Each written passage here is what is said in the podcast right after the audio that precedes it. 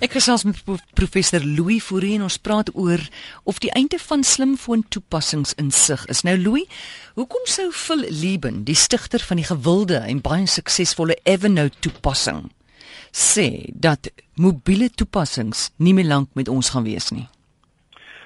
Amore ek uh, ek dink hy eh, praat maar so 'n bietjie uit sy eie ervaring uit want uh kyk hy het daardie Evernote van hom is geweldig suksesvol met sy 90 miljoen gebruikers. Nou op die oomblik is die meeste van hulle gebruik uh die mobiele toepassing om notas te neem.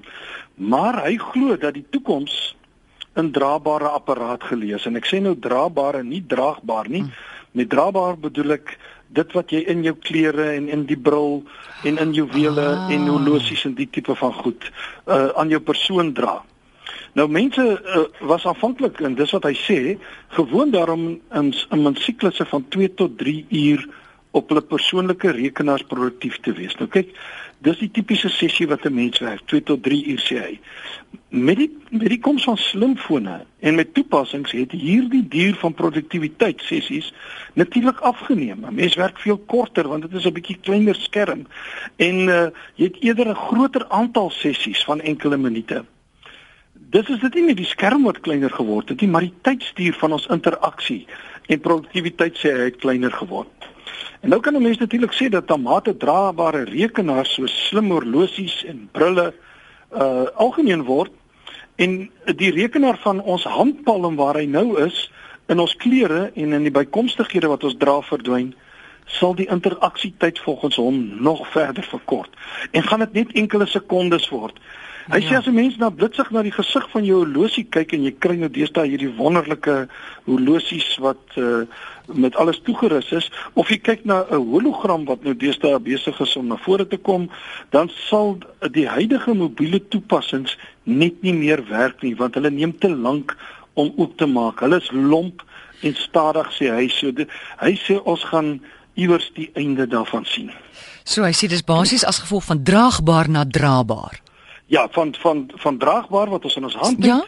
na draagbaar wat ons... in ons klere en en ja. by bykomstighede is, ja. Nou dink jy hy's reg in sy voorspelling? uh, ek dink uh, nie alles nie, maar ek dink dat hy grootendeels reg is. Kyk, na mate ons die oorgang maak van slimfone na die hierdie draagbare rekenaars wat nou kyk op die oomblik praat almal daaroor. En Ek dink uh, of dit nou in jou losie of jou juwele is of in jou brille is of in jou die daar selfs nou wat in die kontaklense ingebou word, sal dit toepassings soos ons dit tans ken verander. En ek dink éventueel uh gaan toepassings ook verdwyn. Ek dink dit gaan anders daar uitsien, heeltemal anders. Dit gaan uh, hy sê hy het nog nie eens 'n woord daarvoor nie. Nou ek wil sê ek dink ja. Ek dink hy's reg, ons het nie 'n woord dalk daarvoor nie, maar dit gaan verander. En ek dink dit is 'n logiese verandering, want kyk, hierdie kleiner hmm. draabare apparate, hoe kleiner hy word, hoe minder verwerkingsvermoë het hy. Alhoewel dit nou duisendmal meer is as wat ons in die verlede gehad het, maar nogtans is dit kleiner en die stoorkapasiteit uh word kleiner. Ook byvoorbeeld op jou slimfoon is dit soveel kleiner as op 'n rekenaar. En soos die tablette en die tablette met hulle verwerkings laer verwerkingsvermoë en stoorkapasiteit as jy dit nou met skootrekenaars vergelyk al hoe minder word het mense natuurlik uh, al hoe meer na die internetwolk gemigreer. Sjoe. En ons het al baie gepraat ja. oor hierdie wolk of die Engelse praat ons van die cloud. Hulle ja. noem nie is dit 'n internetwolk nie, maar nou kyk alhoewel dit tans uh, hoofsaaklik vir die stoor van data gebruik word, sal hierdie wolk in die toekoms al hoe meer vir jou programmatuur gebruik word. En ons praat deesdae daarvan as programmatuur as 'n diens. En ek dink dis wat vol wil sê, dit gaan in die toekoms nie meer 'n toepassing wees wat jy aflaai op jou foon nie, dis 'n diens wat jy gaan gebruik. Hy hardloop nie meer op jou foon nie, is te beperk of op hierdie klein uh, rekenaar uh, bykomstighede wat jy dra nie. Uh, dis alles in die wolk. Nou wat dink jy dryf hierdie verskywing van skootrekenaars na tablette en slimfone en uiteindelik draabare rekenaars? Amore, ek dink daar's 'n paar faktore. En die eerste een is natuurlik 'n uh, baie eenvoudige een wat ons al jare mee sukkel. En dit is die tydstuur van ons batterye. En ons weet almal hoe, hoe hoe meer goed ons kan doen op ons slimfone, hoe hoe korter uh, is die tyd wat ons batterye hou. En dis 'n probleem wat ons nog nie suksesvol uh, kon oplos nie en daar is nie so groot dramatiese verbetering ook nie oor die jare gekom nie. En die laer verwerkingsvermoë en die stoorkapasiteit sonder bewegende dele, daar is nie meer 'n harde skyf in die nuutste rekenaars wat draai nie, so dit maak die kragverbruik soveel beter. Maar uh ek dink is nog nie daar nie en daarom gaan dit al hoe kleiner. So draabare rekenaars soos hierdie slim horlosies is nog beter. Hy het 'n baie langer tyd uh voordat jy die battery hoef te herlaai. En 'n tablet het 'n baie langer tyd uh as byvoorbeeld weer uh wat 'n spoedrekenaar het. So uh ek dink die tydstuur van ons batterye is een. Die ander ding is natuurlik dat mense al hoe meer mobiel wil wees en, en nie goed wil dra by hulle nie, maar sommer op hulle dra. En dan word dit al hoe kleiner. Rekenaarapparatuur word al hoe kleiner. Ons het begin met hooframe wat 'n hele vloer vol staan en nou dra dit al in ons horlosie. En dan is daar 'n laaste een en natuurlik wat 'n groot verskil uh, besig is om te maak en hy sal 'n tydjie met ons en dit is die nuwe webtaal HTML5 dink ek wat 'n groot rol speel. Wat is dit? HTML ken ons mos nou al almal, né? Nee? Dis die dis die taal wat ons gebruik as ons ons weblesers uh benut en ons kyk na verskillende webwerwe en so. Nou HTML5 is 'n nuwe weergawe daarvan. Die vorige een was 4. En wat hy nou gedoen het, hy het 'n klomp nuwe moontlikhede en 'n klomp funksies na die web gebring en veral ook met die oog op uh mense wat die web deur middel van mobiele apparate uh toegang daartoe kry. Nou dit behels uh, ook dat die toepassing dan deur middel van 'n webleser gebruik word. Dis nie 'n toepassing wat wat ek nou nog meer aflaai op my slimfoon of my tablet nie, maar die toepassing deur middel van HTML5 lê dan in die internetwolk of hy lê op die web as jy dit so wil sê. En al wat ek op my selfoon het is net 'n ikoon en 'n skakel na daardie toepassing. Nou die verkope uh, van persoonlike rekenaars weet ons almal, dit het drasties afgeneem. As jy nou gaan kyk, dit heeltemal afgeplat en uh, skoot uh, rekenaars en tabletrekenaars is nou gewild en baie mense het ook gemigreer na die webgebaseerde programmatuur. Kyk byvoorbeeld Gmail. Meeste mense kyk hulle Gmail uh nie op hulle rekenaar nie, maar deur middel van 'n webleser. Daar's nie 'n program noodwendig op die rekenaar soos in die ou dae Outlook of so wat iemand gebruik het nie.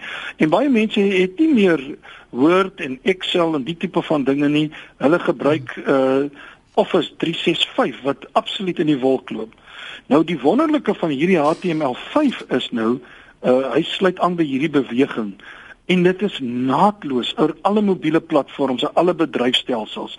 Met ander woorde, dit maak nie saak of jy 'n Android of 'n Apple of 'n Windows of selfs 'n BlackBerry het nie. Uh dit dit is absoluut naadloos. Ek kan dit enige plek uh gebruik. En dan uh natuurlik is dit 'n baie bekende taal. Daar's baie meer mense, 70% van mense ken hierdie taal om daarin te skryf. Dit is eenvoudig. Ek hoef nie 'n eendommelike stelsel te van vooraf te begin nie. En uh nou ja, daar is nog so hier en daar 'n uh, 'n uh, uitdaging. Dit werk nie ewe goed as jy nie internet toegang het nie en so voort, maar uh, dit lyk my tog die groot tendens waarheen dinge beweeg. Nou wanneer skat jy sal ons ons toepassings moet begin groet? Uh dis seker die moeilikste vraag. Kyk, uh eendommelike toepassings en daarmee bedoel ek toepassings spesifiek vir 'n Apple en spesifiek vir 'n Android en so voort of Windows. Ek dink dit gaan nog 'n paar jaar met ons wees maar ons gaan 'n groei sien, 'n verskywing sien. Kyk, tans is net 20% van mense gebruik webtoepassings. Hierdie HTML5 tipe toepassings. Maar Google, moet ek vir jou sê, is byvoorbeeld aggressief besig om dit te ondersteun. Nou waar die ander, die Apple uh, se se se um, winkel en dan nou ook die Android winkel gereedelike groot kommissie neem vra Google net 5% kommissie vir enige iemand wat deur hulle winkel hierdie webtoepassing uh, winkel uh, enige 'n uh, uh, program wil verkoop of 'n toepassing wil verkoop. En as 'n mens dit in ag neem, is daar 'n stadige beweging want dit gaan oor dat ek uit my toepassing wil geld maak. En dan is daar 'n tweede belangrike ding. Daar is 2 biljoen webgebruikers. En daar's byvoorbeeld net 50 miljoen mense wat Apples ge uh, Apple, Apple gebruik. Nou, uh, ek dink is 'n noodwendigheid. Nou wie toe sal ek gaan om geld te maak? as daar baie meer webgebruikers is, dan kan ek soveel meer maak. So die besigheidsmodel uh, is natuurlik 'n belangrike rol wat dit speel. So ek dink ons gaan oor die volgende paar jare ons geliefde toepassings van moet afskeid neem, dit gaan anders lyk. Ons lewe nou interessante tye, né? In interessante tye. Niks, niks bly dieselfde nie. Ja. Ek het nou net so lief geraak vir al my toepassings ja. op Android en op Apple en en nou uh, toe moet ek self ontdek ons gaan afskeid neem. Ja, dit is soos van om Kobai te sê vir jou pelle, dit is inderdaad. Ja. inderdaad is dit moeilik. Dankie Louis. Goed, mooi dag is professor Louis Fourie, departement inligtingstelsels Universiteit van die Wes-Kaap en nou ja, ons het jou voorberei. Weet net, jy sal een of ander tyd daai toeps van jou moet begine groet.